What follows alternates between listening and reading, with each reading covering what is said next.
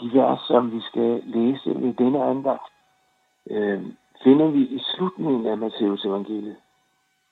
Vi skal nemlig læse de vers, som vi også kalder dobs- og missionsbefalingen. Og de står beskrevet hos evangelisten Matthæus i kapitel 28, fra vers 16 til 20. Men de 11 disciple gik til Galilea til det bjerg, hvor Jesus havde sat dem stivne. Og da de så ham, tilbad de ham, men nogle tvivlede. Og Jesus kom ind og talte til dem og sagde, mig er givet al magt i himlen og på jorden. Gå derfor hen og gør alle folkeslagene til mine disciple, i det I døber dem i faderens og søndens og helligåndens navn. Og det I lærer dem at holde alt det, som jeg har jer. Og se jer med jer alle dage indtil verdens ende. Amen. Nu skal du prøve at høre, for her sætter Jesus tingene i gang. Han står der kort efter påske og umiddelbart før Kristi himmelfart med 11 disciple. Judas Iskariot, som ellers havde hørt til inderkredsen, han var der ikke. Han havde taget sit eget liv. Men de 11, hvis rolle ellers ikke havde været som særlig flatterende i forbindelse med påsken, de kom der. Matthæus, som jo var en af dem, fik også med i beretningen, at de tilbad Jesus. Altså, de troede, han var Gud. Men der var nogen, der tvivlede. Og sådan var det jo.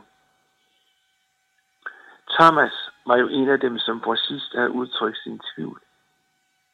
Det var simpelthen for meget, at han skulle tro på en, som var død, men, kunne blive levende, men var blevet levende igen. Men det blev Jesus. Og jeg tror, at Jesus vil hjulpe Thomas til at forstå, at det der med liv og død, det er ikke et problem for Jesus, som er stærkere end døden. Alligevel, selvom man kan opleve utrolig store ting, så kan man komme til at tvivle. Det ved jeg jo også fra mit eget liv.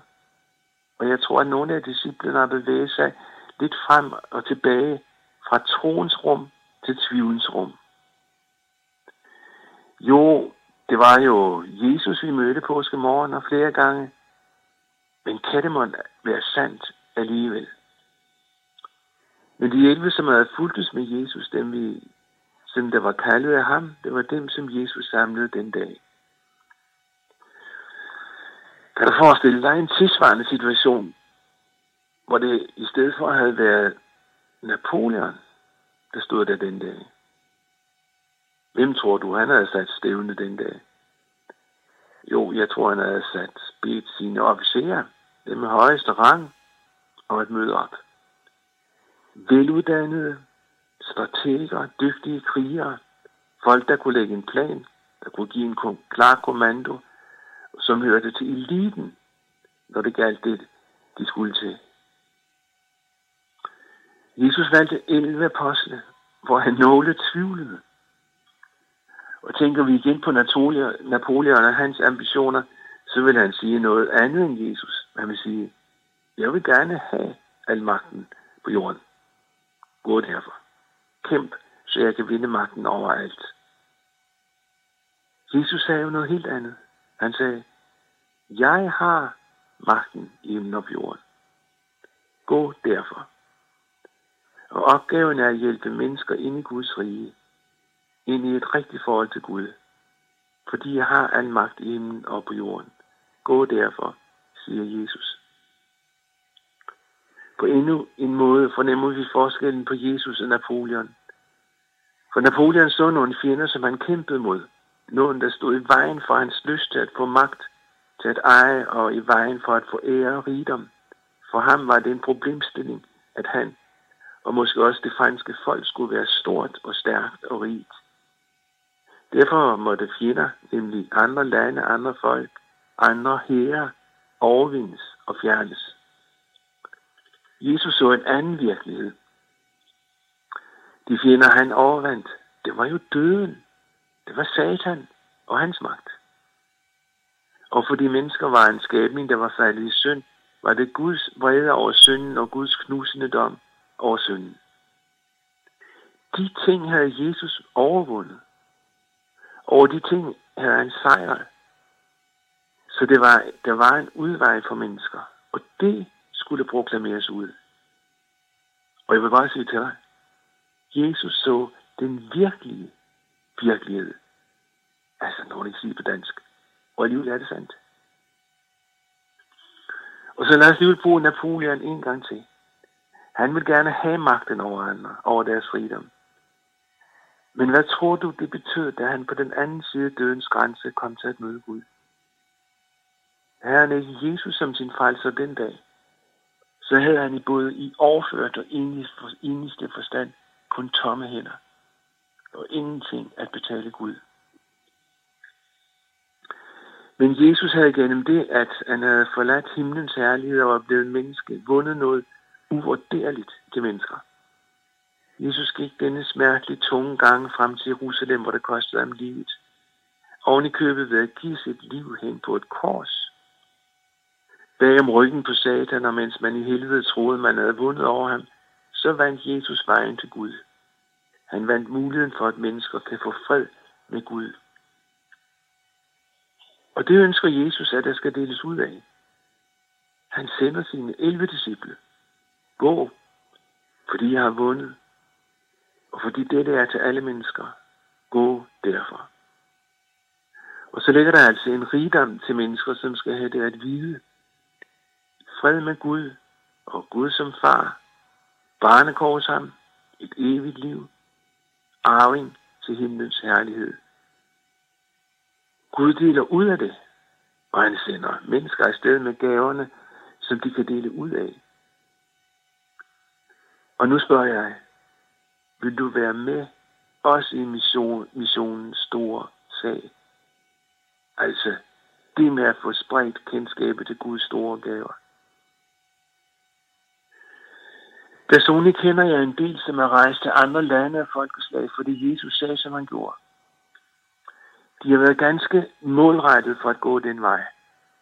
Det kostede dem noget. Altså, der var ting, de ikke kunne, fordi de valgte den vej. Det var karrierespor. Det du sluppet ambitioner på anden måde, som de opgav. Familie og venner, som de ikke kunne være sammen med. Det var heller ikke, fordi det var mange penge i det, i den forstand, at de fik en stor løn. Men de rejste, fordi det stod klart for dem, at Jesus havde noget til mennesker, som dem i de fremmede himmelstrøg ikke fik del i, uden at det skulle forkyndes og fortælles til dem. Alvoren bag denne dobs- og missionsbefaling, den er, at det jo ikke findes, der ikke findes, findes en anden vej til Gud. Det vil jeg godt sige en gang til, for det er vigtigt. Der findes ikke en anden vej til Gud. Jesus har sagt det så klart. Jeg er vejen. Ingen kommer til faderen, hvilket er Gud i himlen. Ingen kommer til faderen uden ved mig. Sådan sagde Jesus. En vej til Gud, Guds vej, Jesus Kristus. Og vi taler i den forbindelse om himmel eller fortabelse. Det er alvoren bag det, Jesus siger til sine 11 disciple den dag. Og nu spørger jeg igen, om du vil være med, også når det gælder missionens store sag. Også i Danmark er der jo mange, som måske aldrig har hørt om denne virkelighed. Også selvom de engang blev døbt måske. Og så er det ligesom hele den det forhold, som Jesus kalder, at lære dem, og at holde det, som jeg befalede jer. Det er citater fra det, jeg læste før. Det hang ikke sammen med det, at de engang blev døbt. På samme måde er det jo en, en ganske stor gruppe i Danmark, som af forskellige årsager ikke er døbt. Og for mange af dem er det helt fremmed, at Jesus har vundet noget til dem, som han vil give dem. I det hele taget er det fremmed for dem, at Gud er en nådig Gud. Så nådig, så han ville frelse mennesker. Så banede han selv vejen for det, ved at Jesus døde for syndere, for sådan nogen som dig og mig. Og at han, fordi han gav sit liv, kan give os syndernes forladelse som en gave, der tæller, også når vi skal møde Gud. Hvad er det egentlig at blive døbt? For det taler Jesus jo om her. Hvad er den kristne dåb? Den kristne dåb, det er, at Gud i forbindelse med, at vores navne nævnes, for Jesus skyld skænker os syndernes forladelse og et evigt liv. Og det er en virkelighed, vi må have lov til at tro. Og det samme sag som voksne, voksne dåbskandidater bliver undervist i, både i Danmark og i andre lande, når de er kommet til tro. Og læg sprogligt mærke til, hvor passivt, hvor passive ordene er, når vi lader os døbe, eller vi lader vores børn døbe. Det er sprogligt meget passivt. Hvorfor er det sådan? Det er det, fordi i dåben er det en anden, der handler, nemlig Gud. Og det er jo den sag, som Jesus taler om, når han giver os dåbsbefalingen. Gå derfor hen og gør alle folkeslag til mine disciple, i det I døber dem i faderens og søndens og Helligåndens navn. Og så påbud dem oplæring. Ganske enkelt, fordi dåb og tro hører sammen. Og nu spørger jeg igen, vil du være med, når det gælder missionens store sag, også i Danmark, der hvor vi bor? Hvordan kan du og jeg så være med i missionens store sag? Det kan vi være med på flere måder. Både når det gælder international mission, og når det gælder mission i Danmark. Jeg tænker, at vi kan være med til at bede for dem, som rejser til fremmede lande. Bede om, at Gud vil velsigne dem, og han vil lade det lykkes, og at det missionsarbejde eller kirkearbejde, de står i, også må føre til, at mennesker kommer til tro og bliver døbt, døbt til at tilhøre Jesus. Skriv en liste over de missionærer, du kender, og bed for dem hver dag. På samme måde, når det gælder mission i Danmark. Du og jeg, formoder jeg, bor i Danmark. Det betyder, at vores missionsopgaver ligger lige for. Hvis du tænker efter, så kender du en del mennesker i Danmark, og du ved, hvad de hedder. Men du har aldrig hørt dem tale om, at de tror på Jesus. Skriv de navne ned på en liste. Tag så listen frem, og hvis du der, hvor du er til daglig, holder andagt eller læser i Bibelen, så brug listen. Nævn navnene et for et for Gud, og bed om, at Gud vil frelse dem, som du altså fortæller ham navnet på. Det vil jeg sige dig, at der sætter du noget i gang. Jeg ved jo ikke, hvem der vil komme på din liste, men det kunne være en sagsbehandler, eller en hjemmehjælper, eller måske en af dine søskende, eller en nabo, eller en ægtefælle. Det at bede for dem ved at nævne deres navne for Gud, det sætter noget i gang. Det baner vej for, at der på en måde vil være åben for det, som Gud havde sagt til dem, nemlig at Jesus vil frelse dem med tanke. Han, det vil være åben for det, nemlig at Jesus vil frelse dem med tanke på deres Guds relation og han vil give dem et evigt liv. Ja, og han elsker dem, så han er parat til at dele himlens vidunderlige herlighed med dem. Jeg har sådan en dødeliste, og vi har en række mennesker, som vi hver dag beder for hjemme hos os. Det gør vi, når vi holder andagt i forbindelse med, at vi spiser aftensmad. Der begynder det, det at være med i missionens store sag. Og så er der mulighed for at komme steder, hvor der fortælles om missionsarbejde i forskellige lande. Der findes blade, hjemmesider, som fortæller om missionsarbejde, og som kan give os flere bedeemner. Man kan også være med på den måde, at man støtter missionsarbejde ved at sende penge til de foreninger og de steder, som sender missionærer til fremmede kulturer og lande. At være med i missionens store sag, det er at følge Jesus efter, når det gælder det som Jesus satte i gang med 11 disciple en gang på det bjerg, som lå i Galilea.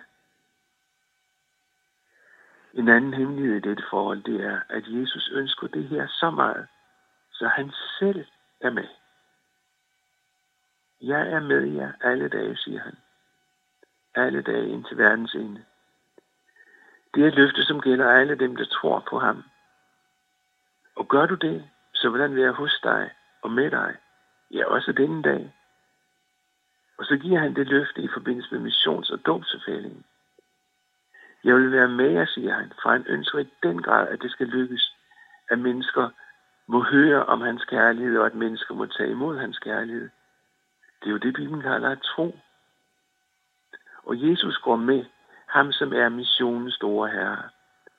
Han vil frelse mennesker. Han ønsker at være sammen med mennesker i tiden her på jorden og i evigheden i himlen ved død og graver. Lad du mærke til, at Jesus gav et løfte, som også gælder denne dag.